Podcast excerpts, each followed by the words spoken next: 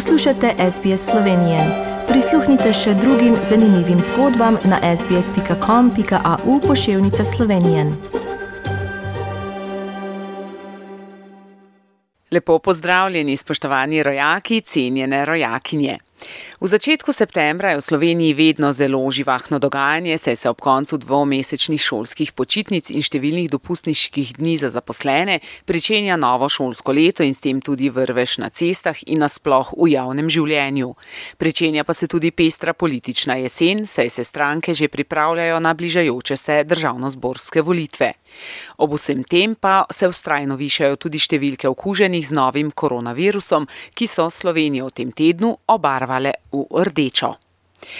Evropski center za obvladovanje in preprečevanje bolezni je objavil nov epidemiološki zemljevid Evrope, na katerem je Slovenija obarvana rdeče. V rdečem je sicer večina zahodne Evrope, medtem ko Hrvaška obala in severna Italija ostajata oranžni. Zato je vlada Republike Slovenije že obravnavala nov načrt ukrepov za obvladovanje epidemije, ki naj bi imel sedem faz. Z Ministrstva za zdravje so pozneje sporočili, da bo vlada nov semafor predvidoma sprejela prihodnji teden, sej pravna usklajevanja sprejemanja odlokov še potekajo. Med ukrepi, ki jih predvideva novi semafor, so širjenje obveznega izpolnjevanja pogoja. PCT, skrajšala bi se veljavnost testiranj. Ob naraščanju okužb bi preverjanje pogoja PCT lahko veljalo tudi za neživilske trgovine in storitvene dejavnosti. V načrtu naj ne bi bilo zapiranja šol ali omejitev gibanja. Na Bledu pa je Slovenija te dni gostila že 16. Blejski strateški forum srečanja voditeljev držav Evropske unije, ki je letos potekalo pod geslom Prihodnost Evrope.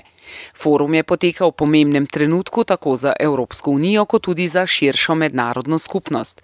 Dvodnevno srečanje, ki velja tudi za enega od vrhuncev slovenskega predsedovanja svetu Evropske unije, se je po uvodnih nagovorih nadaljevalo z razpravo o najbolj aktualnih izzivih in prihodnosti Evrope. Na razpravi je sodelovalo 11 govorcev, med njimi šest premijejev in sicer slovenski Janez Janša, česki Andrej Babiš, slovaški Eduard Heger, mađarski Viktor Orban, hrvaški Andrej Plenković in grški Kirjakos Mitsotakis. Predsednik Evropskega parlamenta David Sassoli, predsednik Evropskega sveta Charles Michel, podpredsednica Evropske komisije Dubravka Šujca, državni tajnik svetega sedeža kardinal Pietro Parolini ter predsednik Srbije Srbije Aleksandr Vučić. Med posebnimi gosti je bila tudi vodja beloruske opozicije Svetlana Tihanovska.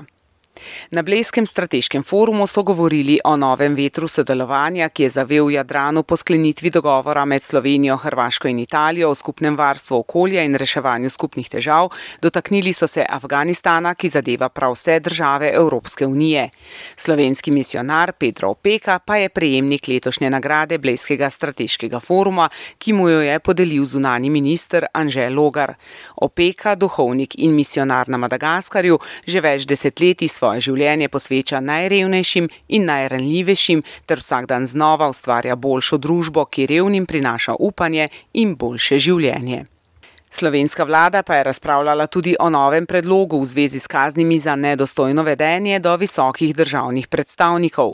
Na začetku poletja ob obravnavi zakona o nalezljivih boleznih v državnem zboru je bilo namreč več poslancev žrtev napadov nasprotnikov rešitev iz zakona.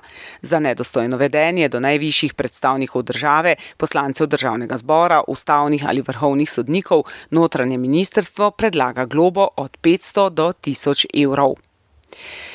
Zaradi rasti cen surovin in drugih stroškov pa so v nekaterih trgovinah že začeli dvigovati cene prehranskih izdelkov. Na začetku leta se je podražilo svinsko meso, maja tudi perutninsko. Cene so dvignili tudi proizvajalci pekarskih izdelkov. Cene so posledično morali dvigniti tudi trgovci. Vzroki za to so poleg višjih cen energentov, embalaže in stroškov dela tudi podnebne spremembe in popraševanje Kitajske. Cene surovin že od lanske jeseni segajo v nebo najbolj pa se to pozna pri žitih, koruzi, soji, ki so pomembni pri proizvodnji mesa in kruha. Draži se tudi gradbeni material, les je dražji za 40 odstotkov, elektrika se je na medletni ravni podražila za 23 odstotkov, dizelsko gorivo za tretjino, benzin pa za četrtino. Za 193 tisoč 116 učencev in 76 tisoč dijakov pa se je začelo novo šolsko leto, že tretje v znamenju epidemije COVID-19. Letošnje šolsko leto se je začelo približno tako, kot se je lansko šolsko leto končalo. V šolske klopi so sedli vsi učenci, a nekateri z omejitvami. Ob upoštevanju priporočil Nacionalnega inštituta za javno zdravje bodo lahko v šolah izvajali vse dejavnosti in programe, vključno z dnevi dejavnosti šolo v naravi plavi in plavalnimi tečaji. Učitelji bodo morali izpolnjevati pogoj PCT, stroške testiranj bo kriv državni proračun. Dijaki in učenci tretjega triletja pa lahko teste za samotestiranje doma prevzemajo v lekarni zdravstveno kartico ali potrdilom o upisu. Po obdobju hladnega vremena, ki je pretekli teden zajelo Slovenijo, pa se v teh dneh po svežih jutrih zbujamo v toplejše dneve s temperaturami vse do 28 stopinj Celzija. Veliko sonca in svežine pošiljam tudi vam. Pregled novic tega tedna iz domovine sem za vas pripravila Katarina Valentar. Všečkaj, deli, komentiraj. Spremljaj SBS Slovenijo na Facebooku.